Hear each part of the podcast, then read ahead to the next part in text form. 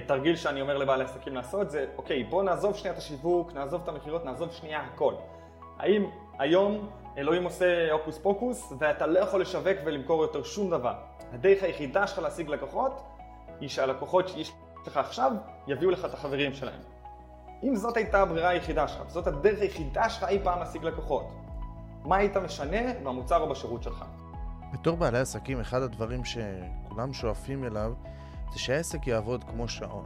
זאת אומרת שאנחנו נדע כמה כסף הולך להיכנס ושאנחנו, יהיה לנו את היציבות הזאת שאנחנו יודעים שלא משנה מה קורה, הכסף הולך להיכנס ואנחנו הולכים לחיות בצורה טובה ואנחנו יודעים מה הולך לקרות, אנחנו יודעים לצפות את הדבר הזה. וזאת אחת הבעיות שקורות לרוב בעלי העסקים הקטנים שאין להם את היציבות הזאת. ואחרי שמשיגים את היציבות הזאת, הדבר השני הוא איך אני גדל מפה. אומרת, איך אני הופך את הזמן שלי ואיך אני ממנף אותו למצב כזה שהעסק יכול להרוויח הרבה יותר ואני יכול להיות הרבה יותר מחיים בסיסיים ולגרום לעסק לייצר לי חיים אה, הרבה יותר נוחים ולהגיע לכמות גדולה יותר של לקוחות. אז בפרק הזה אירחתי את משה פרקה שהוא בן אדם שאני מאוד מאוד מעריך ויש לו אסטרטגיות וסיסטמים מאוד מאוד מדויקים ובפרק הזה דיברנו על מה השלב הראשון שבעל עסק צריך לשאוף אליו. זאת אומרת, מה הדבר הזה שהוא צריך לשאוף אליו ואיך לעשות אותו ואחרי שהוא הגיע אליו, מה השלב הבא. מה השלב הבא לעשות כדי באמת לגדול ולצמוח בצורה הרבה יותר גדולה ולהגיע לסכומים הרבה יותר גדולים. פרק 15 איך בונים עסק שסולק ומתקתק כמו שעון וצומח משנה לשנה. פתיח ומתחילים. ברוכים הבאים לפודקאסט 101% שבו נחקור ונגלה מהו האחוז אחד יותר ביום, שאם נעשה אותו התוצאות לטווח הארוך יהיו בלתי רגילות בכל פרק נדבר ונלמד על השיטות שלי ושל האנשים המצליחים בתחומם להשיג תוצאות יוצאות דופן מעשייה מתמדת ובלתי מתפשרת. אני מייקל קריכלי, מנטור לבעלי עסקים, ואני מזמין אתכם לפנות 1% מהיום שלכם כדי ללמוד משהו חדש. מוכנים? יוצאים לדרך. משה פרקש, אדון הסליקות, מה העניינים? מה שלומך? שלומי מעולה, שלומי מעולה. איזה כיף שאתה כאן מתארח אצלנו. אמ, והערכתי אותך כבר אה, פעם אחת בתוכנית לייבים שלי, והיה אחלה פידבקים, וידעתי שאני אארח אותך גם לפודקאסט, כי אני בטוח של ה... כי המאזינים הם לא... זה לא אותם אנשים, דרך אגב, לא אותה מעניין. קהילה. אה, אז המאזינים, אני בטוח שהם מאוד מאוד ייהנו מהתוכן שאתה הולך לתת לנו פה. ואני יכול להתחיל בשאלה ישר לצלול לעומק? אה, כן, ברור. ישר, כאילו, בלי זה. איך בונים עסק שמתקתק כמו שעון וצומח משנה לשנה? אוקיי. אה, צומח משנה לשנה זה אולי החלק הקל יותר, אז אני אענה לחלק ה... קל זה יחסי, כן, אבל אני אענה לחלק הראשון. איך בונים עסק שסולק ומתקתק כמו שעון, זה הרעיון. אה, בעיניי יש כמה מאפיינים מאוד מאוד בסיסיים לעסק, רובנו בתחומים של העסקים הקטנים, בסדר? או אני אקרא לזה אפילו מגה קטנים, כי בדקתי פעם מה ההגדרה של עסק קטן, וזה עסק עד 200 עובדים, עד uh, משהו כזה, עד 100 עובדים, בשנה. כן. עד 100 עובדים זה קטן עדיין. אז אנחנו אפילו מיקרו עסקים, אפשר לקרוא לזה עסקים שעושים 20, 30, 200 אלף שקל בחודש, זה נקרא מיקרו עסקים. אה, אז כשאני מדבר כאן היום, מדבר על העסקים האלו מן הסתם. אז איך הופכים את העסקים האלו לעסק שסולק ומתקתק כמו שעון?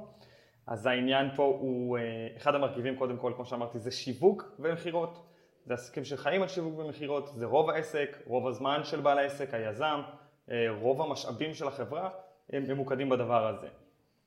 אז זה דבר ראשון שאנחנו רוצים לעשות בשביל עסק שסולב ומתקתק כמו שעון, זה לוודא שהשיווק והמכירות עובד עקבי, יציב, בסדר, זה לא חייב להיות השיווק הכי טוב, זה לא חייב להיות גם עסק ענק, עקבי, יציב, אפילו אם זה עשרת אלפים שקל בחודש, אבל אה, עקבי ויציב. אה, בשלב הבא אנחנו מתחילים להיכנס לחלק של אספקת השירות, אספקת המוצר, מה שתלוי מה אתה נותן, אבל קיצר, לספק תוצאות ללקוחות, להביא את התוצאה בתכלס, אה, לעשות את זה כמו שצריך, מה שנקרא אופרציות בעסק. אה, אז אם זה אני מוציא משלוחים וחבילות, אז זה לוודא שכל המשלוחים יוצאים בזמן, שכל המשלוחים, יש, שמתי את הדברים הנכונים בחבילה, לא טעיתי בכתובת, שהמשלוחים מגיעים תוך פרק זמן סביר, כל הדברים האלו של התפעול, של האופרציה, אנחנו צריכים לבנות שם שזה יעבוד בצורה עקבית, חלקה, יציבה, הכל כמו שצריך, אה, מוריד תלונות של לקוחות, אה, משפר את חוויית הלקוח, כל הדברים האלו. והשלב השלישי והמאוד מאוד חשוב מן הסתם, זה הפיננסים של העסק. שיש שליטה, יש בקרה, יש צפי, יש תחזיות, כמה כסף נכנס, כמה כסף יוצא, אנחנו יודעים בדיוק כמה כסף אה, נשאר לנו בכיס, כמה רווח, כמה מיסים, אה, ואנחנו יודעים לאן הולך כל שקל. אה, עוד לפני שהוא נכנס אלינו לחשבון, אנחנו כבר יודעים לאן הוא מיועד, וכשהכסף הזה נכנס, הוא הולך למקומות המיועדים אליו, באמת, ככה הוא, וכל השלושה הדברים האלו גורמים להם בסופו של דבר עסק שצומח משנה לשנה, בסדר? ואני אפילו אוסיף ואגיד משהו יומרני, הוא כמעט צומח על אוטומט. כשכל הדברים האלו בנויים נכון, העסק לא יכול לא לצמוח. זה, זה תוצר טבעי כמו כדור שלג שמתגלגל. זה לא משנה, כל עוד הוא מתגלגל, הוא גדל. אין, אין פה איזושהי אופציה אחרת.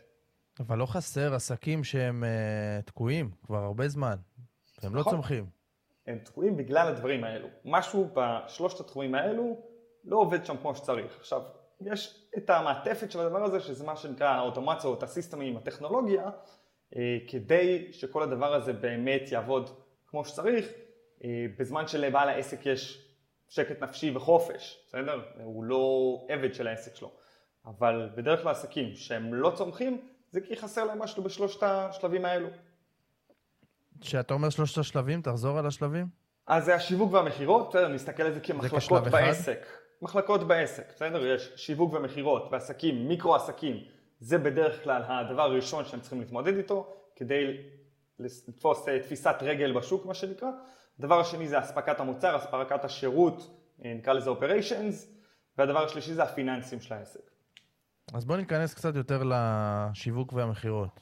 כי אני חושב שזה כמובן. באמת הדבר הראשון שאנשים מתמודדים איתו, ואתה אומר את זה יפה, שגם אם תהיה ממש ממש טוב בפיננסים, ותדע לתת מוצר מטורף, אם לא יהיה לך למי לעשות את זה, אז שום דבר לא שווה בסוף.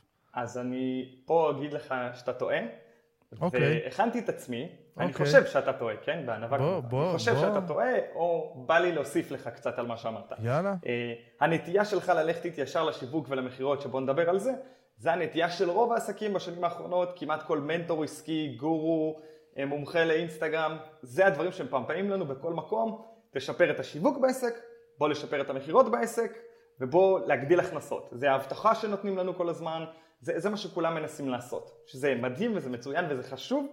בדיוק היום כתבתי על זה מייל אה, נוקב, עוד לא שלחתי לו כי הוא היה מאוד נוקב, אבל אה, צריך טיפה עידון. אמ, אז בוא תסביר, בוא, נתת פה התחה, נתת התחה, בוא תסביר. כמובן, מעולה. אז הרבה פעמים ככה, אני אגיד את זה, אה, אמרתי את זה במשפט אחר, להרבה, לרוב העסקים אין בעיית שיווק, יש להם שיווק עם בעיה בעסק. מה זה אומר? השיווק שלנו, בסדר, אנחנו יכולים לגרום לו לעבוד, אה, אבל לעשות שיווק טוב לעסק שהפיננסים שלו לא טובים, או אספקת השירות והמוצר שלו לא טובים, זה גזירת אה, מוות, ממש, ככה. ולצערי הרב אנחנו מכירים הרבה מאוד מנטורים וגורואים ואנשים שאתה יודע, לאורך השמונה שנים שאני כבר בתחום, אה, נפלו במקומות האלו. הלכו, עשו איזשהו קמפיין, איזושהי השקה מטורפת, הכניסו 10, 20, 30 מיליון שקל, ומאז לא שמעת עליהם שוב, ואני אספר לך למה, כי השרשרת של אספקת המוצר שלהם הייתה גרועה, הם קיבלו המון המון תביעות, אף אחד לא היה מרוצה, השם שלהם בשוק נשרף. אה, דבר שלישי זה שהפיננסים שלהם לא היו נכונים, אז לקחת מוצר שהוא לא רווחי, או אפילו מייצר לנו הפסדים, ולמכור מיליון ממנו, מנפח את ההפסדים שלנו פי מיליון, וההפסדים האלו לפעמים זה הפסדים שאי אפשר לצאת מהם. אה, או לצורך העניין, דוגמה ממני, דוגמה אישית, שאני אהיה walk the talk, אני בשנת 2018 עשיתי איזה 2.5 מיליון שקל בהכנסות, רווחיות מאוד מאוד גבוהה, כמו שאתה מכיר את העסקים הדיגיטליים שלי, אה, רווחיות מאוד מאוד גבוהה, בסדר? לפני מס וזה רווח תפעולי 90-95% בכיף, יענו המון המון המון כסף בכיס. ההתנהלות הפיננסית הלא נכונה, אה, לא ידעתי לתכנן את המס, לא ידעתי להשקיע את הכסף, לא, לא הבנתי מה זה תזרים, וסיימתי את כל ההרפתקה הזאת בחובות של 250 אלף שקל למדינת ישראל. אני חושב שסיפרתי לך על זה בעבר, אבל זו דוגמה קטנה, אה, ולא רק החובות האלו, זה אומר, ה-2.5 מיליון שקל האלו היו אמורים, הייתי יכול לקנות בהם היום שתי דירות, שאין לי אותם. הכסף הזה לא נשאר ממנו זכר, שום כלום, בסדר? חוץ מהחוב למדינת ישראל, בגלל היכולת התנהלות הכלכלית הלא נכונה. לכן מאוד מאוד מאוד קריטי, דווקא התפעול של העסק האופרציות והפיננסים הם הבסיס לפני השיווק והמכירות, כי אני אגיד את זה שוב, יש הרבה עסקים שאין להם שיווק ומכירות בכלל. אני מביא, מביא לדוגמה סיפור שקרה לי מאינסטלטור, הגיע אליי אינסטלטור, אה, עולה אליי הביתה, מתקן לי איזושהי בעיה פה, דירה חדשה, אה, הוא מסתכל, קודם כל הוא בא לבוש, אחי, עם כופתרת לבנה, חגורה, מאור, נעליים מאור, אינסטלטור אחי. מה, מה הלו"ז? לא ברור אחי. בא, מסתכל, אומר לי, טוב, תקשיב, יש פה בעיה, אני דקה חוזר, מביא ציוד מהאוטו. ירד, ירד לאוטו, חזר עם איזה סרבל כזה שמתאים יותר לאינסטלטור, הביא איתו את הארגז כלים, נתן עבודה, 25 דקות, סתם, תיקן, עשה שם עבודה מדהימה, 450 שקל. 25 דקות עבודה.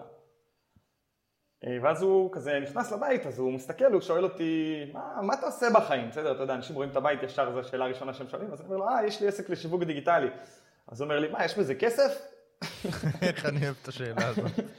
עכשיו, הבן אדם אינסטלטור, ואתה יודע, הבית שלי לא, לא קטן, לא, אני כאילו דירה לא של פראייר, יש פה נוף יפה, יש פה זה. אז עושה לי, יש בזה כסף, אז אני כאילו, יואו, יואו, יואו, אני צריך להתחיל להסביר לו כמה כסף הוא יעשה כאינסטלטור אם רק יהיה לו שיווק טוב. אה, הבנתי שזה לא המקום הנכון לדיון הזה, בגלל שהוא הגיע בלנד קרוזר חדשה. וכל ה vibe הזה לא מסתדר לי עם זה שלנד קרוזר מכופתרת, 450 שקל 25 דקות רק על זה שהוא הגיע והסתכל ובדק. אה, והמסקנה שלי קודם כל היא שאנשים שמרוויחים הכי טוב בארץ זה אינסטלטורים, אבל אה, אני לא יודע אם זה נתון מחקרית מדויק, אבל זו ההתרשמות הכללית שלי כיום. בקיצור, הוא לא עשה שיווק יום אחד בחייו, אותו אינסטלטור. לא עושה שיווק, שום דבר, לא פרסום, הוא לא יודע לעשות ממומן, הוא לא יודע לבנות משפכים, הוא לא יודע לכתוב קופי, אין לו רשימת תפוצה, הוא לא קיים בטיקטוק, הוא לא קיים באינסטגרם. אחי, הבן אדם עושה את ה-50-60 אלף שקל בחודש בשמחה רבה. אבל רגע, הוא כן עושה שיווק. לא. אולי לא שיווק דיגיטלי, אבל ש... מה זה לא שיווק הרי? שיווק. שיווק זה אם אני אומר לך, תקשיב, זה מה שאני עושה, אני יודע לפתור בעיה כזאת, זה שיווק. בדיוק, החזרת אותי בדיוק, הרמת לי להנחתה לנקודה שציפיתי להגיע אליה. אני אומר, כשיש לך מוצר טוב, בסדר? אה, הצעה טובה, אופריישן אה, שלך, התפעול שלך, אספקת מוצר והשירות שלך היא טובה. הוא בא מהר כשביקשתי אותו, הוא טיפל בבעיה כמו שצריך, הוא היה אדיב, הוא היה נחמד, הוא טיפל בבעיה ולא הייתי צריך אותו שוב, הוא עשה את כל העבודה שלו מאוד מאוד כמו שצריך, זה כל השיווק והמכירות שהוא אי פעם יצטרך. הוא לא הייתי צריך להתווכח איתו על מחיר.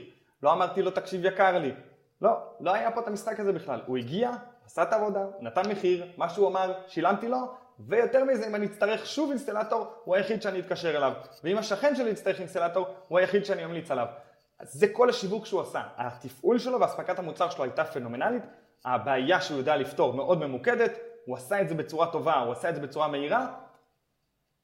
זה, הוא לא צריך עוד שיווק. הוא לא צריך okay, אוקיי, עוד זה, שיווק. זה באינסטלטור. בוא נגיד ככה, אינסטלטור, אתה לא צריך עכשיו מישהו, כאילו, אינסטלטור, אתה לא צריך לעשות בדיקה מקיפה ולהתחבר לבן אדם ולעשות כאילו הרבה כדי להביא את האינסטלטור הזה. אתה מוצא אינסטלטור, מביא וזהו.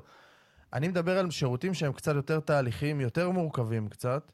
מתווך, שאתה רוצה לסמוך עליו שימכור לך את הדירה, סוכן ביטוח, מלווה עסקי, או כל הדברים האלה שאתה... זאת הנקודה שלי, תיאורטית. אז רגע, אז תיאורטית אני מסכים, אם אתה מגיע לטופ ברמה שהשירות שלך כל כך טוב, ואספקת המוצר שלך כל כך טובה, אז סבבה. אז זה יכול להיות וגם, הגדילה תהיה מאוד איטית, כי אם אתה לא עושה שיווק. אם אתה איפשהו, שנייה, תלוי איפה אתה. ש- שנייה, תלוי באיזה שנייה, מצב אתה. שנייה, אני דיברתי פה על שיווק יציב, עקבי וצפוי, בסדר? לא דיברתי עדיין על scale, בסדר? כדי להגדיל את העסק, בסדר? אם אותו אינסטלטור, נגיד שהוא מרוויח 60 אלף שקל בחודש, הוא ירצה להגיע ל-120 אלף שקל בחודש, להכפיל את ההכנסות שלו, הוא יצטרך כן לעשות שיווק פעיל. אבל הנקודה שלי היא שרוב העסקים לא צריכים את זה בשביל המטרה הראשונה, שהיא לייצר יציבות ועקביות. עכשיו, אה, נכון, גם בתהליכים, ייעוץ עסקי, מכירה של דירה, אה, דברים שהם יותר תהליכים, יותר ארוכים, גם שם, אם אתה עושה את העבודה מטורף, השירות שלך מדהים, אתה מספק תוצאות באחוז מאוד מאוד גבוה ללקוחות שלך, אתה לא צריך שיווק. אתה לא צריך שיווק, זה השיווק שלך, בסדר? זה לא שאתה לא צריך שיווק. זה השיווק שלך, זה מה שמספיק. לא, לא צריך... אבל אתה מבין שזה גלגל. כאילו, כדי שאני אייצר תוצאות מטורפות, בוא נגיד בתחום שלנו שהוא תחום תחרותי, או תחום השיווק, תחום מאוד תחרותי, יש לא מעט אנשים שעושים את זה. כדי שאני אייצר תוצאות מטורפות, אתה מסכים איתי שאני צריך איזשהו ניסיון, איזושהי דרך שעברתי עם כמות לקוחות מסוימת? זאת אומרת, זה לא כן. שבא לי לקוח ראשון, יש לי תוצאות פסיכיות, אני האיש שיווק הכי טוב בעולם. לא, עברתי איזה דרך, אז איך אני מביא את הלקוחות? אתה מבין? איך אני עובר את הדרך הזאת שאני, שהמוצר שלי נהיה כל כך טוב? קודם כל אתה עושה את זה, עושה את העבודה. אוקיי, אבל אתה צריך לקוחות בשביל לעשות את זה, אוקיי, נכון? לא, לא נכון, אז, לא אז נכון. זה הביצה והתרנגולת. תשמע, אה, הקורס הראשון שאני הוצאתי לשיווק דיגיטלי, זה היה אחרי שעשיתי לפחות את המיליון הראשון שלי בלי ללמד אף אחד. בסדר? אני לא אבל זה צריך... לא קורה היום. אני מדבר... שנייה. רגע, רגע, רגע, אני אעצור בכוונה, וזה, וזה נושא מאוד מאוד מעניין. כי היום, מה שאנחנו רואים בשוק, גם אני באתי מניסיון, לפני שנהייתי יועץ עסקי או מלווה עסקי, באתי עם ניסיון רחב שאני אישית ייצרתי הכנסות של 30 מיליון שקל בחברה שלי. קודם כל, תפעלתי משהו גדול. יות- מה. זה גדול? קטן, לא מיקרו. כן? כן. תפעלתי משהו כאילו שהוא יותר גדול מהרגיל, מהנורמה, ממה שקורה פה. וברגע שהבנתי איך לתפעל את זה, אז אני בא עם כל הניסיון שלי. אבל היום אנשים, איש שיווק, לומד איזשהו קורס, למד קורס, ורוצה להתחיל לעבוד, ואני לא, לא מאשים אותו. אחי, זה קורס. מדהים, זה מדהים, אני לא מזלזל בשום צורה, אתה לא תשמע אותי אה, יורד על אנשים שסיימו קורס והלכו להיות יועצי שיווק, או פתחו חברה. אני ממש לא מזלזל, אני חושב שזה בסדר גמור ואפילו מבורך שיש את ההזדמנות הזאת כיום, ומישהו שעשה קורס ייעוץ עסקי, והוא יוצא לדרך להיות יועץ עסקי או מאמן NLP, לא משנה מה. אני מברך את זה ואני לגמרי בעד.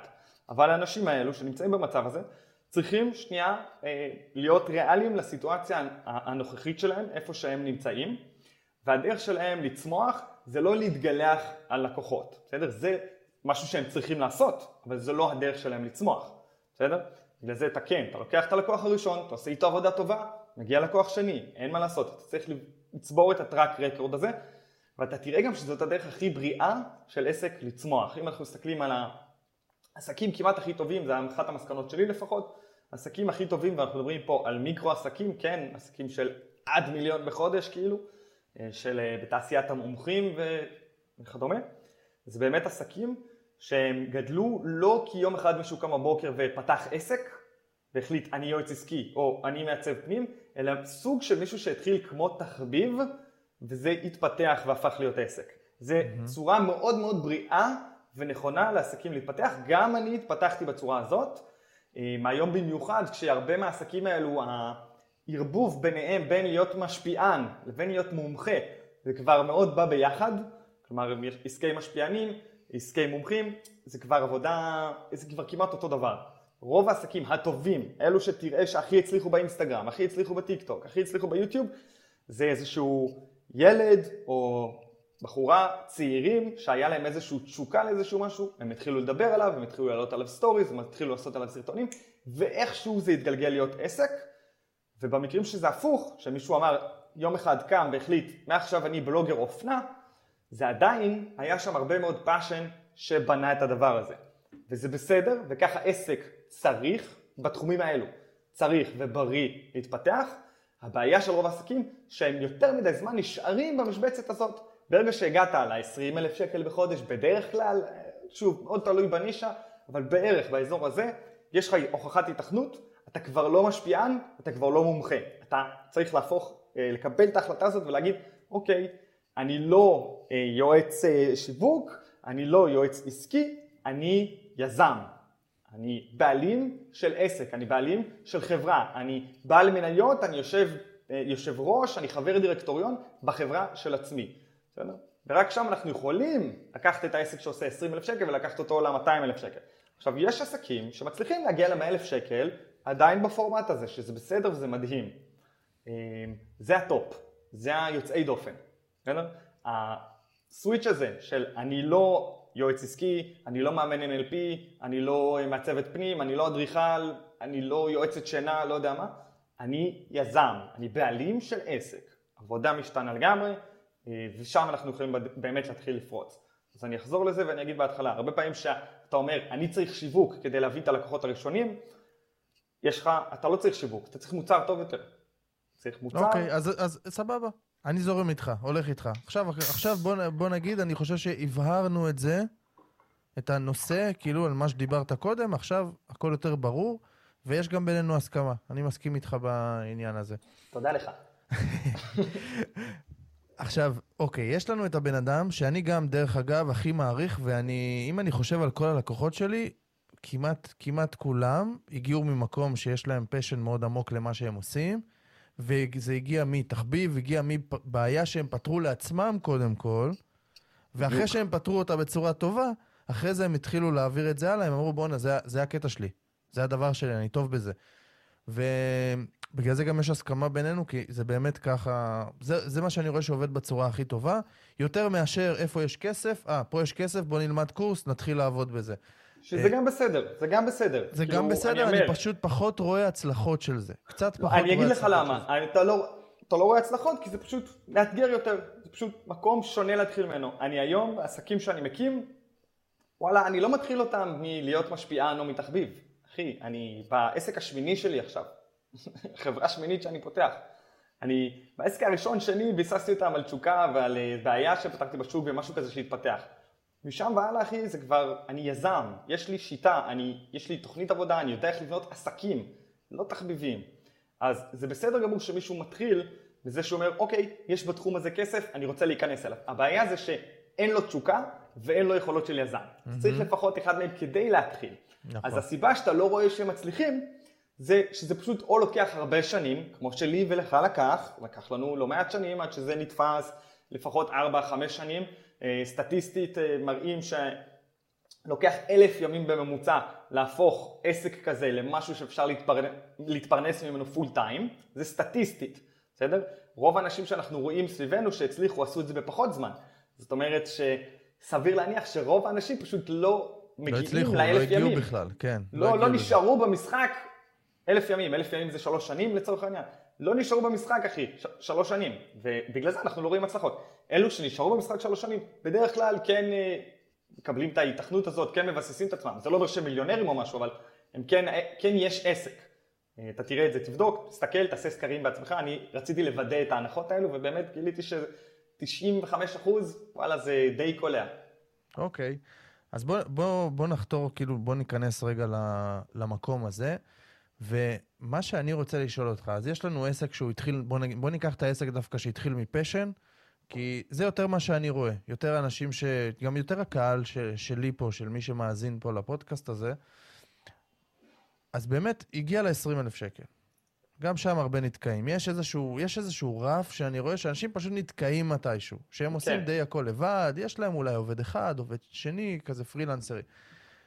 איך עוברים את התקרה הזאת? כל אחד יש לו תקרה שלו, זה נע בין 10 ל-30 אלף פחות או יותר. נכון, יכול להיות קצת יותר, בסדר. כן, אבל. הם נתקעים שם. את החודש מה, הראשון מה שלי שעשיתי מה-K, אי שם ב-2017, אה, אולי 16, 100 אלף שקל בחודש, עשיתי עדיין בצורה הזאת. בסדר? סליחה. אה, עשיתי בצורה הזאת, זה היה קצת סוג של מזל, בסדר? הייתי בזמן הנכון, בזמן הנכון, במקום הנכון, עשיתי את מה שצריך לעשות, אה, וגם זה משהו שהיה עקבי. אבל היום ההזדמנות הזאת אולי פחות קיימת. אה, מה שתוקע אותם זה שלושת הדברים שדיברתי עליהם בהתחלה. השיווק והמכירות לא עקבי ולא יציב, אין איזשהו מנגנון קבוע שסולק ומתקתק. מה זה אומר? בוא, בוא, רגע בוא נדבר על כל אחד מהם. מה זה אומר? ש, שהשיווק יעבוד עקבי ויציב. ת, תן לי הגדרה לזה. איך, איך בן אדם עכשיו יודע שהשיווק שלו עובד עקבי ויציב? מה המדד פה? אה, אפשר, כל אחד יכול לקבוע לו את המדדים שלו, בסדר? אה, אחד המדדים הראשונים שאני רוצה לבדוק זה כמה לקוחות מגיעים מהפניות של לקוחות אחרים, בסדר? כי זה מקשר אותי למחלקה השנייה שדיברנו עליה, שרמת המוצר שלי. אה, המוצר והשיווק הם תמיד עובדים אחד עם השני. תמיד. יש לנו איזה כלל, סוג של כלל אצבע? כאילו, מה אחוז ההפניות שצריך להיות לי? כאילו, כמה לידים אני מקבל מ... אני מצפה ל-1 ל-5. זאת אומרת, מה זה אומר 1 ל-5? שעל כל חמש לקוחות... על כל חמישה לקוחות אני רוצה אחד מהפניה, לפחות, זה כאילו רק נמוך. אחד שאתה אומר סגירה או ליד? אני, אני חושב שזה סגירה. אתה יודע מה, גם הפניה זה בסדר. בסדר? בוא, בוא נגיד שזה ליד שהגיע מפה לאוזן, אני יודע שיש מספיק רצון טוב, למרות ששוב, זה הרף הנמוך, בסדר? אה, כן הייתי מצפה ליותר. אה, תרגיל שאני אומר לבעלי עסקים לעשות זה, אוקיי, בוא נעזוב שנייה את השיווק, נעזוב את המכירות, נעזוב שנייה הכל. האם היום אלוהים עושה הוקוס פוקוס ואתה לא יכול לשווק ולמכור יותר שום דבר? הדרך היחידה שלך להשיג לקוחות היא שהלקוחות שיש לך עכשיו יביאו לך את החברים שלהם. אם זאת הייתה הברירה היחידה שלך, זאת הדרך היחידה שלך אי פעם להשיג לקוחות, מה היית משנה במוצר או בשירות שלך? וואו, שאלה, שאלה, קודם כל זו שאלה מדהימה ששמה פוקוס על דבר מאוד מאוד חשוב, ואני אחזור אליה בשבילכם, שאתם מאזינים, קחו דף ועט ותרשמו אותה, כי אני מאמין שזו באמת שאלה ששולחת אותנו להתפקס על משהו, לשפר משהו שהוא סופר קריטי, הפה לאוזן שלנו, וה... הבסיס הזה, כי אני מכיר עסקים, במשפחה יש לי עסקים שהם, אני לא יודע אם הייתי מתגאה בזה, אבל שהם 25 שנה רק פה לאוזן. לא שיווקו אף פעם, רק פה לאוזן וגדלים וצמחי, וצומחים. אז uh, השאלה, אם תחזור על השאלה בדיוק, איך אתה שואל את הלקוח שלך ככה? אם הדרך היחידה שלי אי פעם להביא לקוחות היא לא על ידי שיווק ומכירות, אלא רק על ידי לקוח שמביא עוד לקוח, מה הייתי משנה במוצר או בשירות שלי או באיך שאני מספק אותו. מדהים. למה? כי אני יכול לעשות את השיווק הכי טוב בעולם. המשפחים הכי טובים, הוובינארים, הקמפיין המאומן הכי יפה, הקופי הכי מרהיב, מה שאתה רוצה. אם אין לי מספיק אחוזים של הצלחה או של אה, שביעות רצון במוצר הנוכחי שלי, אני תמיד משווק נגד הזרם. כי המחירי שיווק והפרסום אה, ימשיכו לעלות, אה, יצוצו תמיד עוד מתחרים בשוק, יצוצו מעתיקנים, יהיו עוד פתרונות חדשים, הטכנולוגיה מתקדמת, מה שזה לא יהיה, אני חייב שהבסיס של העסק שלי יהיה המוצר שלי פותר בעיה בשוק. והוא פותר אותה טוב, וזה יביא לקוחות. ולכן אני גם אומר שעסק כן יכול לגדול תמיד רק על ידי שיווק מפה לאוזן, כי תאורטית, אם כל לקוח מרוצה שיש לי מפנה לי שניים, זה צמיחה אקספוננציאלית. כי אני מביא אחד, הוא מפנה שניים, שניים מפנים לי ארבע, ארבע מפנים לי שמונה, והעסק תמיד בסקייל, תמיד גדל, גם זה. עכשיו, שוב, זה אוטופי, בסדר? זה הגבול העליון, זה הלוואי, אבל אנחנו צריכים לבדוק ולמדוד את זה, בסדר? אז אני חוזר לשאלה שלך, איך אנחנו מודדים, האם השיווק שלי עקבי, יציב אה, וכדומה. אז זה דבר אחד שאני כן שם ככה לבדוק אותו ולשפר אותו כל הזמן. זה גם מוודא שהמוצר שלי תמיד נשאר בלופ אה, ומעודכן ולמה שהשוק צריך. שתיים, הדבר השני שאני רוצה להגיע אליו זה שאני יודע מה ה-CPA שלי. אה, cost per acquisition, בתרגום לעברית, כמה עולה לי לייצר לקוח. עכשיו, אם כל השיווק שלי הוא אורגני לחלוטין, אה, אז אני עדיין צריך למדוד כמה שעות עבודה אני שם בשביל לייצר לקוח. למשל, נגיד שהבאתי החודש שני לקוחות והשקעתי עשר שעות בשיווק אורגני, לעלות פוסטים, לעשות סרטונים, whatever, אז אני יודע שעולה לי חמש שעות כדי לייצר לקוח. בסדר? זה הדבר הראשון. אחר כך אני לוקח את כמה שעה, שעת עבודה שלי, בסדר? שזה אני לוקח את ההכנסות שלי חלקי 22 ימים, אה, ימי עבודה בחודש, אה, חלקי אה, מספר השעות שאני עובד ביום, זה, זה המספר, זה השווי שעה שלי האמיתי. אני רק אגיד על אוקיי. זה משהו, אני רק אגיד על זה משהו שמי שיעשה את זה ולא עשה את זה אף פעם, פתאום אתם תשימו לב שהשווי שעת עבודה שלכם, אם אתם מגדירים, לא יודע, 700 שקל לפגישה של שעה, או 300 שקל לפגישה של שעה, פתאום אתם שמים לב, ועשיתי את התרגיל הזה כל כך הרבה פעמים עם, אה, עם לקוחות, פתאום אומרים, בוא'נה, אני מרוויח 30 שקל לשעה, או 50 שקל לשעה, או, או דברים הזויים, אז אני אומר לו, למה אתה לא עובד מתדלק? כאילו, כן. יותר פשוט, אתה לא צריך זה, אתה מקבל את אותו כסף. בלי, בלי כל הסיכון והכאב. בלי שום דבר, אתה הולך, מגיע, מעביר את השעון, חוזר, בלי, בשקט. נכון, אז אנחנו עושים את התרגיל הזה, מבינים מה השווי שעה שלי, מבין כמה שעות השקעתי בפרסום בעבודה אורגנית כדי לייצר את הלקוח, כפול מספר, כפול השווי השעתי שלי, אז אני יודע, נגיד, אמרתי, עבדתי 10 שעות בחודש כדי לייצר שתי לקוחות, זה 5 שעות עבודה על כל לקוח, אם השווי שעה שלי הוא 100 שקלים, אז אני השקעתי 500 שקלים כדי לייצר את הלקוח. ואז אני פשוט בודק האם זה היה רווחי. מאוד, אה, מאוד מאוד פשוט. אז זה הדבר השני שאני אבדוק, CPA. שנייה, על זה, על זה אני חייב להגיד משהו. לא מעט אני נתקל באנשים שכאילו מפחדים לעשות פרסום ממומן. אומרים, אני אורגני, אורגני, אורגני. ומה שלא שמים לב, ופה אתה העלית את זה עכשיו, שזה שאתה עושה אורגני, זה עולה לך כסף. הזמן שלך הוא שווה משהו. לא משנה כן. כמה, הוא שווה משהו. אז השאלה שנשאלת, אם עולה, נגיד יצא אלף שקל בסוף, עולה לך להביא לקוח באורגני, האם בממומן יעלה לך 500 שקל, אז מה עדיף? נכון, וזה בדיוק השאלה, ולכן אנחנו צריכים להבין את המספר הזה. נכון. חייבים לגמרי. להבין מה ה-CPA. עכשיו, אני עושה גם ממומן, גם אורגני, אה, אני יכול למדוד, עדיין, אני עושה חישוב. אם אני כבר עסק טכנולוגי וטיפה מבוסס יותר, שזה דיברנו על טכנולוגיה ואוטומציות וסיסטמים, אז נגיד שאני עושה גם טיק טוק וגם אינסטגרם וגם יוטיוב, אורגני, ויש לי פייסבוק ויוטיוב ממומן? אז יש לי כאילו חמישה ערוצים. תאורטית, אם אני יודע למדוד מכל אחד מהערוצים האלו כמה לקוחות הוא הביא, אז אני יודע בכמה, מה ה-CPA שלי בכל אחד מהערוצים. ואז אני אומר, רגע, למה אני גם ביוטיוב וגם באינסטגרם? ה-CPA שלי באינסטגרם הוא אלף שקל, בשעות עבודה להביא לקוח, וביוטיוב הוא חצי מזה. ובממומן, או נגיד עולה לי 300 שקל להביא לקוח, אז מה אני מבזבז את הזמן שלי על האורגני? בסדר? אה, אני נהיה יותר חכם, וזה אחת הטעויות אגב, שמונעת מעסקים בסדר גודל הזה ליצור שיווק עקבי ויציב. הם נמצאים ביותר מדי פלטפורמות, הם עושים יותר מדי דברים. מספיק אחד. אחד לוקח אותך ל-100 אלף שקל בחודש קל. בסדר? אחד אבל שהוא עובד כמו שצריך. אז זה הדבר השני, אה, CPA. בסדר? לדעת כמה עולה לי לייצר לקוח.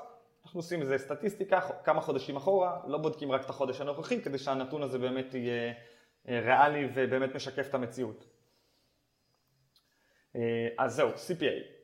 אם יש לי שיווק מאומן, אז הרבה פעמים יש אנשים שעושים שיווק מאומן, אבל התקציב שהם מוציאים כל חודש הוא לא קבוע, או המשפך השיווקי, או מה שהם לא בחרו, האסטרטגיה, היא לא עקבית. הם משנים אותה כל חודש, משנים אותה כל חודשיים, uh, ואין להם איזושהי יציבות מספיק כדי באמת לקבל את הנתון הזה, uh, של כמה עולה לי לקוח ממאומן.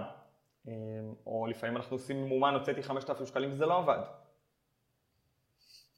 לא עבד, לא הביא לקוחות, אז אני מפסיק, נעשה משהו אחר, אז אני צריך מספר, את המספר הזה כמספר רץ, ממוצע, כמה סך הכל, כרגע נתון של 12 חודשים אחרונים, חצי שנה האחרונה, נתון רץ, כמה עולה לי לייצר לקוח, זהו. אה, זה נתון שקשה קשה להבין אותו, אה, בדרך כלל הפתרון הוא לייצר משפך אחד שעובד, עובד טוב, לרוץ איתו תקופה, לקבל את האינדיקציית ה-CPA של הערוץ הזה, ואז אנחנו, יש לנו עקביות ויציבות, כי אם אני יודע שעולה לי 500 שקל להביא לקוח, אז אני אומר שאני צריך שלוש לקוחות בחודש, אז אני מוציא שלוש לקוחות כפול עלות ללקוח במשך חודש, כל חודש, יצרתי יציבות, יצרתי עקביות, אה, והדבר הזה, זהו. אוקיי, אז זה לשיווק והמכירות. קודם כל עשית פה סדר אה, ממש ממש טוב, שמח. אז אה, זה מעולה בפן של השיווק והמכירות. בוא נעבור עכשיו למוצר, איך אתה יוצר את זה שזה יציב. ו- ועקבי, אוקיי. אה, יציב ועקבי, זאת אומרת, אני מתחיל מהתהליך של הקליטת לקוח, בסדר? זה ברגע שהלקוח סלק, ממש מהשנייה שהוא סלק, אני יכול גם תאורטית להגיד שלפני, אבל מהרגע שהלקוח סלק ועד הרגע שהוא המליץ לחברים שלו, בסדר? אני בונה את התהליך הזה, מפרק אותו לחלקים. ואני מוודא שלכל חלק יש שיטה, יש סיסטם, מה שנקרא, או אתה יכול לקרוא לזה גם SOP, או תהליך, או נהלים. יש שיטה, בדוקה, צעד אחר צעד, בדיוק מה אנחנו עושים בכל שלב, איך זה קורה, כדי לוודא שהלקוח מקבל את התוצאה המקסימלית וחוויה מקסימלית. בסדר? כמה שפחות חיכוכים, כמה שפחות אה, תקיעויות, כמה שפחות בעיות. עכשיו זה מאוד מאוד נפוץ שבשיווק אה, של, ואנשים סליחה, ב, בייעוץ, בכל מיני תחומים, ייעוץ, אימון, טיפול, שהם תחומים קצת יותר אמורפיים, אנחנו לא תמיד מוכרים תוצאה מאוד מאוד מאוד ספציפית, וגם אם אנחנו כן מוכרים תוצאה ספציפית, אז התהליך עם כל לקוח הוא שונה, יש לו קשיים שונים, אנחנו עושים לו התאמות אישיות, בסדר, ייעוץ עסקי, כל עסק שבא, הנישה שונה קצת, הלקוחות שלו שונים, האבטר שונה, אנחנו עובדים טיפה אחרת, אין לנו נהלים, אין לנו את השיטה של מה לקוח עושה כשהוא נכנס אלינו. התהליך הזה נקרא פרודוקטיזציה. זה להפוך את מה שאני עושה, את המומחיות שלי, ולהפוך אותה למוצר. האם אני יועץ עסקי לצורך העניין? בסדר? אז מגיע אליי לקוח שהוא בתחום הברזלאות, לא יודע מה, נפחות, סליחה, מה זה ברזלאות? רציתי להגיד בתחום הפרזול ויצא לי, התבלבל לי. קיצור, נפחות, פרזול, מה שזה לא יהיה. ויש לי לקוח אחר שהיא אדריכלית או מעצבת פנים. עם כל אחד מהם התהליך שלי הוא שונה, אין לי מוצר שאני מגיש לאנשים. מוצר, הדרך הנכונה להגדיר את זה, זה דמיינו את זה פה פס ייצור. אני מכניס חומר גלם בצד אחד, נניח מתכת כלשהי, זה עובר במכונה ובצד השני יוצא לי ברגים, בסדר? יש לי מכונה שהופכת חומר גלם למוצר המוגמר. הלקוחות שלכם הם החומר גלם, המוצר המוגמר זה התוצאה שאתם רוצים לייצר, לייצר להם. עכשיו זה בסדר שלא 100% מהלקוחות משיגים את התוצאה במלואה, זה בסדר גמור, הם עדיין, הרבה מהם, אם התהליך היה טוב, הם מעריכים אותו וזה בסדר גמור והם יהיו מרוצים והם עדיין ימליצו והם גם מבינים שאין התחייבות לתוצאות. אבל הבעיה של עסקים זה שהם מכניסים מלא חומרי גלם שונים כל פעם, אין להם אבטר אחד מאוד מאוד ממוקד שהם יודעים לפתור לו את הבעיה, ואז המכונה, או שהיא נתקעת, היא אה, נשרפת, יש בה תקלות, למה? כי החומר גלם הוא שונה. אין מכונה, זה עושה מכונה. עבודת יד הכל. זה בדיוק, זה סוג של עבודת יד הכל. אה, והכי בעיה זה שאנחנו לא לוקחים מחיר של עבודת יד. אם אנחנו כבר עושים עבודת יד, זה צריך להיות מחיר פרימיום של הפרימיום. נסה להזמין פעם שיש מותאם אישית, אחי. אתה יודע מה זה שיש במידות שאתה רצית בדיוק בזה שלך? עולה פי שש משיש רגיל. אמ, בקיצור, אז אין לנו פרודוקטיזציה, אין לנו את המכונה הזאת, את הפס ייצור הזה. אמ, כי או שאנחנו, יש לנו מלא פסי ייצור שונים, בסדר? כי לכל חומר, כל בעל עסק שמגיע, אנחנו מכניסים אותו כאילו למכונה שמתאימה אליו, או שאנחנו מנסים להכניס לאותה מכונה אה, את כל מיני חומרי גלם שונים, וכל פעם יוצא לנו תוצר שונה או מכונה שנתקעת וכדומה.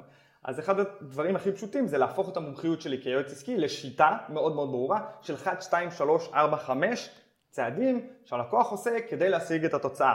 לקהל יעד ספציפי.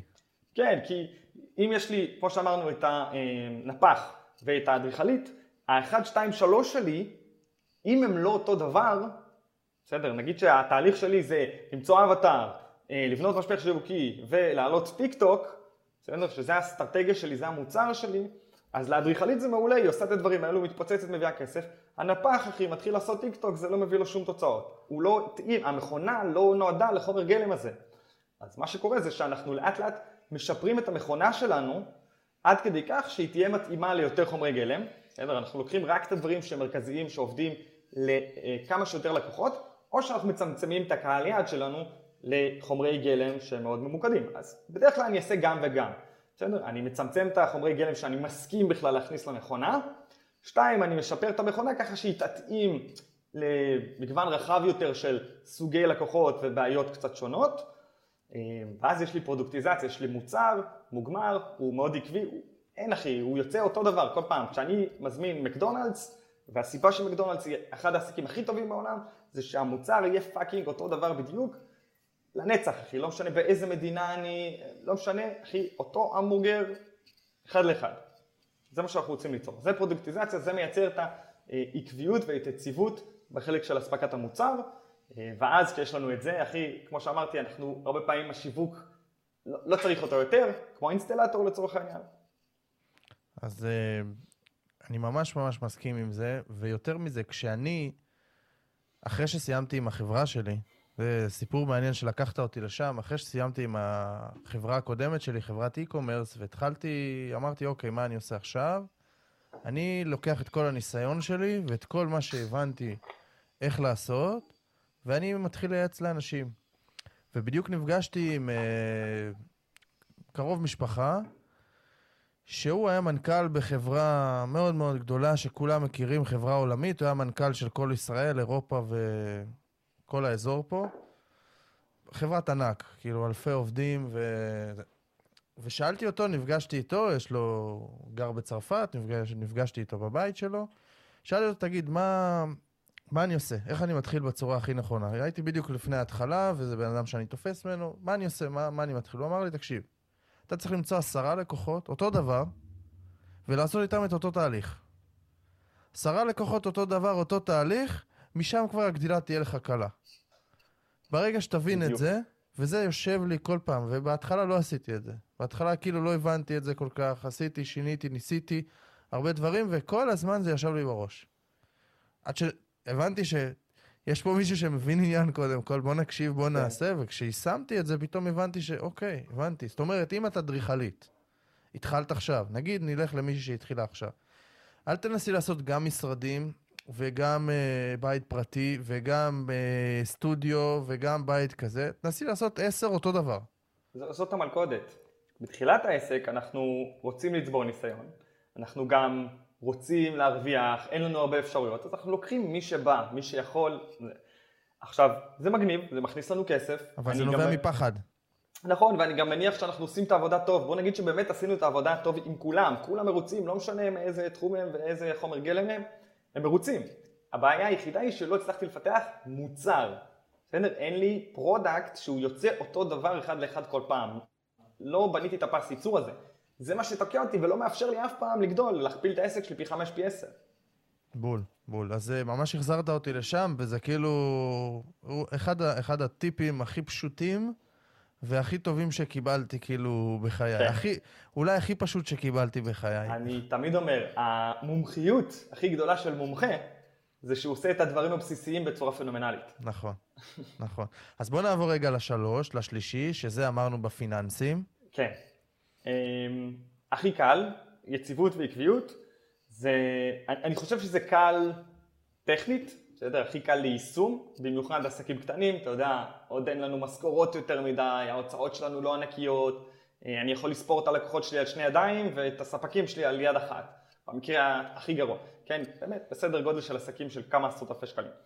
אמ, זה אומר, קודם כל להבין התנהלות חשבונאית בסיסית, בסדר? של מה זה עלות תפעולית, מה זה רווח תפעולי, מה זה עלות, מה זה רווח גולמי? כל מיני מושגים כאלו ששנייה אפשר ללכת ללמוד אותם, אה, סרטון ביוטיוב או הרצאה כאילו באיזשהו מקום, זה אפילו לא דורש איזה קורסים. שנייה להבין את הדברים האלו, עסקים לא יודעים את הדבר הזה. להבין מה הרווחיות שלי פר לקוח, לא בעסק, פר לקוח, מה הרווחיות. אם אמרנו קודם כל, אני יודע, דיברנו קודם על CPA, כמה עולה לי לקוח, עכשיו אני צריך להבין כמה רווח יש לי פר לקוח. ואז הנוסחה היא מאוד ברורה, כי אם עולה לי 500 שקל להביא לקוח ואני מרוויח 600, אז תפאדל אחי, בוא נעשה את מה שאני עושה כל היום לנצח, העסק יגדל, לא צריך להסתבך. אז זה דבר ראשון. דבר שני זה לייצר איזושהי אה, תחזית וניהול של תזרים. בסדר? זאת אומרת שלפני שהכסף נכנס, בתחילת החודש, אני אמרתי, אם השיווק והמכירות שלי עקביים, והמוצר שלי עקבי, אני יודע לצפות כמה לידים ייכנסו, כמה מכירות יהיו וכמה הכנסות יהיו. אני כבר יודע את זה לפני שהחודש התחיל בכלל. אני יודע, אני לא חושב, אני לא מתאר, אני יודע. כי, כי, כי, כי הכל צפוי ועקבי אצלי.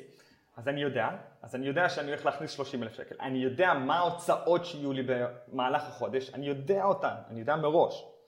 ואת ההוצאות שאני לא יודע שהן תמיד משתנות ולפעמים כן, לפעמים לא, לפעמים למה לא, אני יודע שיש לי ממוצע שבחצי שנה האחרונה הוצאתי X על הבלת"מים האלו, אז יש לי כבר החודש אני יודע שבממוצע אני אוציא 2,000 שקל על בלת"מים.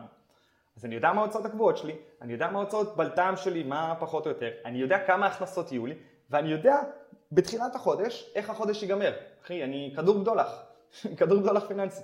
אני יודע שבסוף החודש ייכנס לי 40 אלף שקל, 15 אלף מתוך זה, רווח.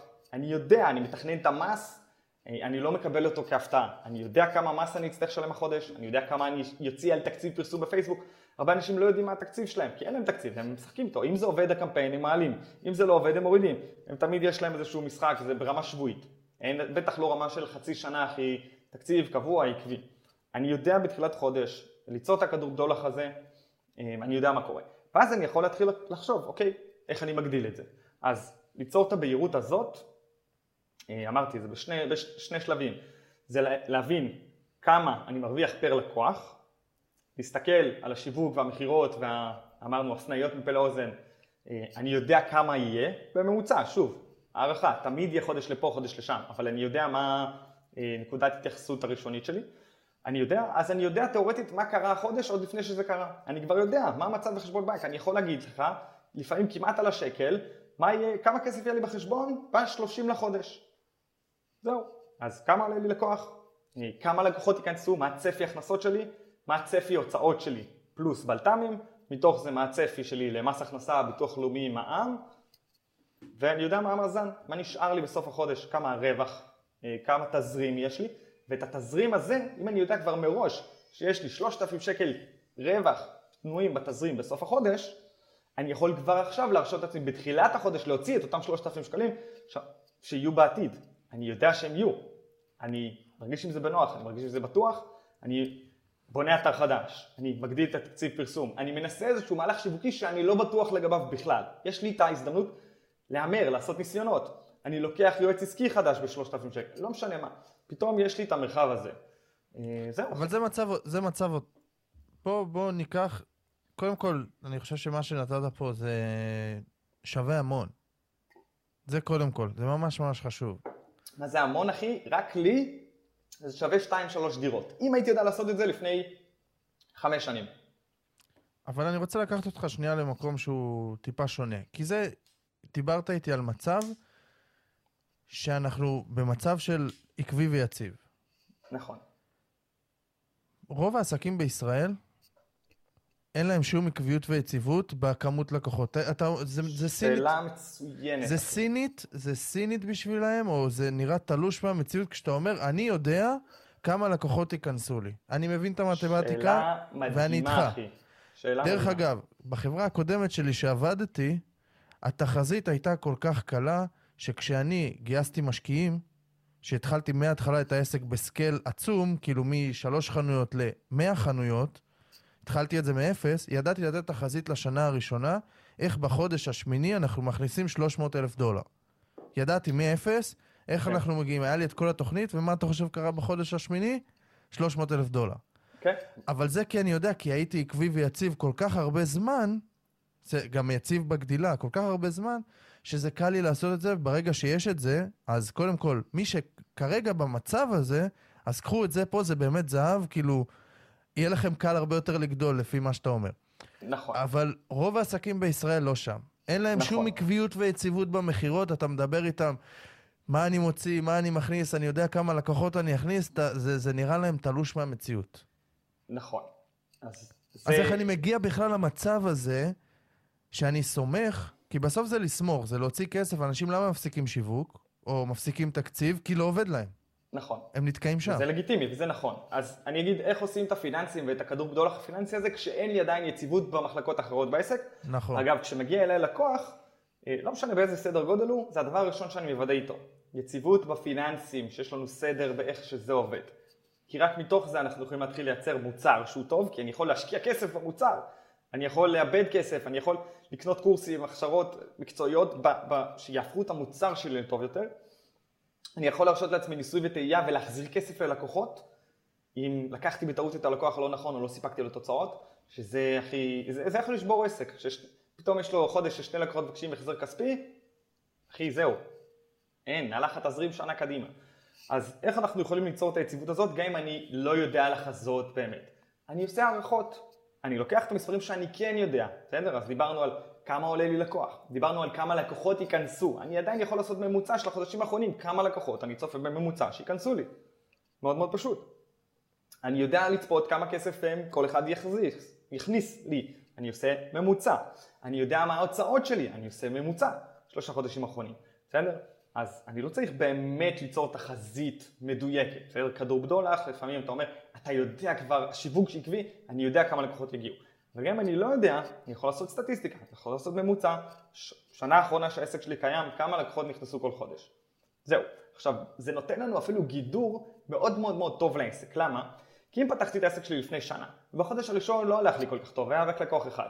בחודש השני היה לי פתאום חמש לקוחות, ואחר כך שלושה חודשים לא היה לי אף לקוח. בסדר? ממש רכבת הרים, אין לי שום יציבות. אז היום, כשאני בונה את התחזית החודשית לחודש הקרוב, מה זה, התחלנו את אוקטובר, כבר באמצע, אבל נניח, אני לוקח את הממוצע של 12 חודשים האחרונים, זה לא, זה מונע ממני את הטעות שאנחנו עושים, שזה לאנוס את השטח. אנחנו כבעלי עסקים, יש לנו את השטות הזאת שאנחנו עושים, שפתאום עשיתי איזה חודש 30 אלף שקל, אה, או 40 אלף, לא משנה, פרצתי את תקרת זכוכית שלי ויצרתי הכנסה שהיא גבוהה מהרגיל שלי, אנחנו בטוחים, משום מה, אנחנו מאמינים שעכשיו זה הסטטוס קוו זהו, שלנו. זה הסטנדרט, זה זה ימשיך ככה. הסטנדרט, אחי. אנחנו שוכחים שזה היה איזשהו חודש פריצה. עכשיו, זה נכון וזה חכם, כי אנחנו אומרים, אוקיי, אם החודש עשיתי פריצה כזאת, אז חודש הבא אני מצפה אפילו ליותר, סבבה לגמרי. אבל אם אני מתייחס ל-12 חודשים האחרונים, אני מקבל תמונה קצת יותר אמיתית של התחזית שלי, ואז אני מציב לעצמי יעד שהוא קצת מעבר, כל פעם. בסדר? אז במשך עשרה חודשים הבאתי לקוח אחד כל חודש, אני יודע שאני פותח את אוקטובר אה, עם צפי ללקוח אחד, כי זה הממוצע שלי. אז אני אומר, אוקיי, החודש אני הולך לפרוץ את התקרה הזאת ולעשות שני לקוחות, להביא שני לקוחות. כשאני אעשה ממוצע 11 חודשים אחורה, אה, של ה-11 חודשים, אז אני אראה שיש לי לקוח ממוצע כל חודש עשרה חודשים, בחודש 11 שתי לקוחות, הממוצע שלי הוא 1 נקודה משהו עכשיו לחודש, וזה יהיה הצפי שלי ואני אציב את היד שלי מעל זה. ככה אנחנו באמת מייצרים צמיחה. אז שוב, אני חוזר, אני מסתכל על המספרים שאני כן יודע. בסדר? את ההוצאות הקבועות שלי אני יכול לדעת. אני יודע שאני משלם למערכת דיבור X, אני יכול לדעת שעולה לי הארנונה ככה, אני יכול לדעת שזה ההוצאות חשמל שלי. בסדר, יש לי הוצאות קבועות, הן פחות או יותר מדויקות. זה יותר קל, יותר קל לצפות את ההוצאות. בוא נתחיל, בוא נתחיל בזה. את ההכנסות אני לא צריך לצפות, אני עושה ממוצע. זהו. מתוך זה אני מחשב הכנסות, הוצאות, מע"מ, מס הכנסה, ביטוח לאומי. אה, את המשכורת שאני צריך לצאת, זה גם משהו שאגב אנחנו עושים, קובעים משכורת קבועה שאני כבעל העסק לוקח הביתה, הרבה עסקים אין להם, בסדר? החשבון של העסק ושל הבית הוא אותו חשבון, והם משלמים, אתה יודע, הם חיים מתוך החשבון הזה, והם גם ממלאים את החשבון הזה, אז, העס, אז העסק ממלא את החשבון והם מבזבזים, בסדר? ואין איזשהו הלימה. אז אנחנו יוצרים איזשהו אה, משכורת קבועה שאני לוקח, בסדר? נניח 5,000 שקל, 10,000 שקל, קבוע שאני לוקח כל חודש, אני יודע שזה הולך לכאוב לעסק, כל חודש 10,000 שקל הולכים לצאת. אז אני מתכנן גם את זה, זה מתוכנן בהוצאות שלי. אני מפריד את החשבונות בנק. עכשיו, לפה, לחשבון העסקי נכנסים כל הכסף, ופעם בחודש אני מעביר, או פעמיים בחודש, לא משנה, מעביר לחשבון האישי סכום קבוע. אני לא עושה את הבלגן הזה. זה ככה אנחנו מייצרים עקביות אחי, וצפיות. עכשיו, יותר טוב מזה, זה ברגע שיש לי כבר רווחים באופן עקבי, אני גם משקיע אותם בעוד כל מיני דברים. ואני מתחיל לייצר גם עוד הכנסה שהיא אה, קבועה והיא פסיבית נקרא לזה, שאני מפזר את הסיכונים בעסק שלי. אוקיי. מה השלב הבא? זהו. הגעתי לעקביות וליציבות, 30, 20 אלף, אני היום, נגיד, בואו בוא נשים איזה סצנריו כזה, היום אם אני אמשיך איך שאני, בדיוק אותו דבר, אני אביא את הכמות לקוחות שלי, אני אכניס את ה-30 אלף שקל בחודש, והכל עובד טוב ויפה. עכשיו אני רוצה לגדול, רוצה להגיע ל-200. מדהים. אני כבר, הבשורה שלי שאם תעשה את זה, העסק שלך גדל. אין ברירה, הוא יגדול. הוא יגדל. אין, אין אופציה אחרת. העסק יגדל, אולי לאט, אבל הוא גדל. אין מה, אין, פשוט גדל. אם בכל זאת אתה רוצה לעשות עכשיו מה שאנחנו קוראים לו scale, זה לקחת משהו שכבר עובד ולנפח אותו. הרבה פעמים אנשים מנסים לקחת scale למשהו שהוא לא קבוע ולא יציב, ומנסים לנפח בלונים חורים. אי אפשר לנפח בלונים חורים. אבל בלון סגור, קשור טוב, אני יכול לנפח אותו, לנפח אותו, לנפח אותו, ואז הדבר היחיד שמונע ממנו להתפוצץ זה כמה הוא חזק, נכון? אם אני מותח אותו, מותח אותו, מותח אותו, אז בהתחלה הסיסטם שהיה לי יציב ועקבי ב-20-30 אלף שקל, פתאום אני עושה 100 אלף, הסיסטם כבר לא יציב ועקבי. יצרתי קצת בלגן בעסק. אז אני חוזר שוב למצב של, אה, אוקיי, בוא שנייה נעצור, נעשה סדר. עשיתי סדר, חיזקתי את הבלון, חיזקתי את החומות שלי, עכשיו אני יכול לנפח שוב. אה, וכן הלאה. אז את הניפוח הזה, שוב, רגע, סליחה. רגע, אז אם אני, אם אני אבין נכון, זאת אומרת שאתה מסתכל על זה כ... כשאני עושה scale, זה לא אני עושה scale עד אין סוף, אלא אני עושה scale, עושה עצירה רגע, מבין אם אני, אם כאילו המבנה הזה שאני חושב לבנות לו 6,000 קומות, אם אני עכשיו בקומה המאה, אם אני רגע יציב, הרוחות לא מזיזות אותי, אני עומד כמו שצריך, יש לי בסיס חזק, אם כן, אז זה נהיה כאילו הסטנדרט שלי. בדיוק. כל אי... פעם אתה מייצר את הסטנדרט תחתון שלך, שלא משנה מה קורה, איזה רוח תגיע, הוא יישאר. גם אם הגעת ל-140, פתאום, אם נפלת, לא תיפול ל-10, ל-20 עוד פעם, אלא תיפול ל-100. נכון. אם בנית, יש לי בניין של 10 קומות ואני רוצה עכשיו להגדיל אותו ל-20, אני לא יכול להשתמש באותה תשתית ובאותם היסודות. אני צריך להרחיב את היסודות, להעמיק אותם, ורק אז אני יכול לבנות עוד 10 קומות. Mm-hmm. עכשיו בניתי 20 קומות, אני רוצה לבנות 40, צריך שוב לחזור לתשתית, לבנות אותה, לחזק אותה, ואז לגדול. עכשיו, יש בכל שלב העסק יש הרפתקאות חדשות. אני מאוד מאוד אוהב לקרוא על הרפתקאות של חברות כמו אפל ואמזון ומה התקרות זכוכית שלהם. אתה יודע, מסכנים עשו רק 20 מיליארד דולר ואיך הם צמחו מ-20 מיליארד דולר ל-200 אלף דולר, ל-200 מיליארד דולר. אז אתה קורא שם על התקרות זכוכית שלהם. אז תמיד יש איזושהי תקרת זכוכית, צריך לעשות סדר.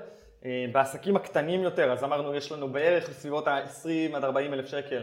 זה בדרך כלל כשבעל העסק הוא העסק, בסדר, הוא עדיין לא יזם, אין לו את שלושת הדברים שאמרנו, את היציבות הזאת שבעסק, אין לו עסק שסולג ומתקתק כמו שעון במחלקות האלו עדיין. אה, ברגע שהוא כן השיג את זה, בדרך כלל הוא מגיע ל-100, אפילו לפעמים 200 אלף שקל, הוא כבר מצליח להגיע, ואז יש שם תשתית חדשה של גיוס עובדים.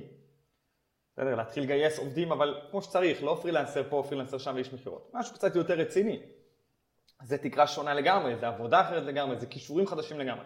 עשינו את זה, בסדר, הגענו ל-400 אלף שקל, שוב, אני זורק סתם מספרים, אבל נגיד, גייסנו, הצלחנו, למדנו איך עושים את זה, גדלנו ל-400 אלף שקל, חצי מיליון שקל בחודש. עכשיו המשחק הוא שונה לגמרי, שוב, עכשיו זה איך אנחנו מגייסים מנהל הבחירה, או איך אנחנו משמרים עובדים בכלל, או אולי מיציתי קצת את השוק שלי, אז עכשיו התקרת זכוכית שלי התפרסות למוצרים נוספים, המותג. או קהלים חדשים, או באמת ערוצי פרסום. יכול להיות שאני מפרסם כבר ב-200 אלף שקל בחודש בפייסבוק, וואלה, מקסמתי את הפלטפורמה, עכשיו אני צריך להתחיל לפרסם גם בגוגל, בסדר? יש, כל, כל שלב העסק יש לו את ההרפתקאות שלו, אנחנו כרגע, כמובן דיברתי על מיקרו עסקים, טווח של 0 שקל ועד 100-150 אלף שקל, אני חושב שזה התחומים שאני יודע לעזור להם. אה, זה, התחום, זה המספרים שאני עשיתי, יכול להיות שאני יכול לעזור יותר, אבל אני לא מתיימר לזה. בדרך כלל כן. מהניסיון שלי, בדרך כלל כן. אתה יכול לעזור ל... אם אתה עובד סיסטמטי ונכון, אתה יכול לעזור גם לאנשים. שאתה עוד לא הגעת למספרים שלהם. נכון, אני אדייק את עצמי. אני יכול לעזור להם, אני יודע בוודאות, כי אני עוזר כבר היום, יש לי לקוחות שמרוויחים פי 4, פי 5 ממני, חד משמעית, והמחזורים שלהם פי 4, פי 5 ממני, וגם עבדתי עם חברה שעושה פי, אני לא יודע פי כמה זה, אבל 40 מיליון שקל בשנה. כן, זה פי, כמה פי 100, לא יודע מה, פי 50, פי... בסדר? לא מעט. בסדר, כן יכלתי לעזור להם, אז אני אתקן את עצמי, זה פשוט, אה, אני יכול לעזור להם בדברים מאוד ספציפיים. בסדר, אגב, אה, דיברנו על הפס ייצור, יש לי פס ייצור מאוד מאוד ספציפי, יש לי מכונה שהיא רלוונטית להם. מדהים. אז משה, אה, קודם כל אני חייב להגיד לך תודה. באהבה רבה. באמת, אה, תמיד, כיף לי לארח אנשים, ואמרתי לך את זה בפעם שעברה, כיף לי לארח אנשים שאני מרגיש שהם מוציאים את מה שהם מוציאים, כאילו אם עכשיו אני הייתי לקוח שלך והייתי מבקש ממך, בוא תייעץ לי על הדבר הזה והזה, וכאילו היית אומר לי פחות או יותר את אותו דבר. זה כאילו לא. שאתה נותן לי עכשיו איזה פיסות אה, מידע כאלה שאני צריך איפשהו לנחש עכשיו מהשאר, אז אה, ממש ממש כיף לארח. ושאלה אחרונה לסיום, שאני רוצה לסיים איתה, איזה שאלה לא שאלתי אותך והייתי צריך? הוא... איזה כאילו בוא, בוא לא תן פה? הרעיון הוא, כי לפעמים אני בתור מראיין לא שואל את כל השאלות ואולי לא הוצאתי את המקסימום איכות שאני יכול להוציא פה מהרעיון הזה. אוקיי, זה מתחלק לשניים. יאללה. מתחלק לשתיים, זו שאלה אחת שמתחלק לשתיים. לא שאלת אותי על העניין של, סיסט... של אוטומציות וטכנולוגיה בעסק, הזכרתי כן, את זה כי יש בהתחלה. לנו, כי יש לנו, אני מנסה לשמור את זה על שעה, אתה יודע. אני יודע, יכולים בסדר. להמשיך שלוש שעות. שאלת אותי על מה לא שאלת. זה לא שאלת, בסדר? כי כשאנחנו מפעילים אוטומציות וטכנולוגיה בכל אחד מהמחלקות האלו שדיברתי עליהן, שזה השיווק והמכירות, שזה הפיננסים, זה שהאספקה והתפעול של המוצר, operations, ואנחנו מוסיפים על זה את הדברים האלו, אז שם אנחנו יכולים לייצר אה, עקביות ו... ויציבות הרבה הרבה יותר גדולה, בסדר, על ידי הטכנולוגיה הזאת, והכי חשוב בעיניי, זה שככל שהעסק גדל, אנחנו צריכים לייצר יותר חופש לבעל העסק. מה זאת אומרת, אם אני עושה 20 אלף שקל ואני עובד 10 שעות ביום, כשאני אעשה 40 אלף שקל, תיאורטית, כן, אז אני אצטרך לעבוד 20 שעות ביום, שזה כבר לא אפשרי. זאת אומרת, כדי לעשות את הקפיצה בין 10 ל-20, אני צריך לייצר טיפה חופש, אני צריך לפנות טיפה שעות כדי שאני אוכל לגדול, וזה נקרא יעילות. אני צריך בעשר שעות, אותן עשר שעות עבודה ביום, לייצר כפול הכנסות. אני צריך מינוף. אחד המינופים הקלאסיים זה הטכנולוגיה והאוטומציות שאנחנו משתמשים בהם. אם בשיווק זה מתבטא במשפכים, אם משפכים מתוחכמים, משפכים מסובכים, לא משנה. בפיננסים זה יכול להיות להתבטא בכל מיני דשבורדים וכל מיני אקסלים, או דברים שממלאים לי ומציגים לי את הנתונים באופן אוטומטי. אה, ובתפעול של המוצר זה קצת ספציפי לאיזה מוצר אנחנו נותנים, אבל אה, המכונה הזאת, ה product, הפרודוקטיזציה, הפס ייצור, איך שתרצה לקרוא לזה, כל המושגים האלו שזרקתי, גם שם כשאנחנו משתמשים בכלים אוטומטיים, אה, טכנולוגיה וכדומה, אנחנו יכולים לייצר חוויה הרבה הרבה יותר עקבית לדבר הזה. אוקיי. אז זאת אומרת, אני מנסה להבין את השאלה ואת התשובה, כי אמרת, איך אני מכניס את האוטומציה. ש... כן, אתה שאלת אותי, מה לא שאלת? נכון. אז עניתי לך, לא שאלת אותי על אוטומציה וטכנולוגיה. אוקיי, אז בוא תן לנו באמת, בוא נלך רגע למקום של ה... לא משנה, תבחר מקום, שיווק, מוצר, אה, פיננסים. אני, אני אתחיל עם השיווק, בסדר? אני לא אוהב להתחיל עם השיווק, וכשאמרת את זה בתחילת הפודקאסט יצאתי אליך קצת, אבל אה, אחי, אני אני, אני שמח, כאילו, אני לא יודע אם אתה שם לב, אבל אני שמח שסותרים אותי. כאילו, אה, ברור, באהבה רבה, אחי. תראה, תראה לי שאני טועה, אני אלמד, בכיף. אני, זה, אין טועה, אתה יודע, אין פה טועה ואין צודק. זה, יש השקפות ויש מה עובד, וכולנו מעשירים אחד את השני חד משמעית. אבל אה, בואו, אני כן אדבר על השיווק, הכי קלאסי זה מה שאנחנו מכירים משפחי שיווק, בסדר? משפחים שעובדים באופן אוטומטי, מייצרים סליקות אה, בלי שאני צריך לעבוד, או עושים כמה דברים. למשל, משפחים של מוצרים זולים, בסדר? כש, כשלקוח מגיע איתי לטלפון, זה לא הסליקה הראשונה שלו, הוא כבר סלק ממני משהו בעבר. הוא כבר מבין מה הערך שאני נותן, הוא כבר מבין מה הבידול שלי, מה הייחודיות שלי, הוא כבר מבין למה לעבוד איתי ולא עם לקוחות אחרים.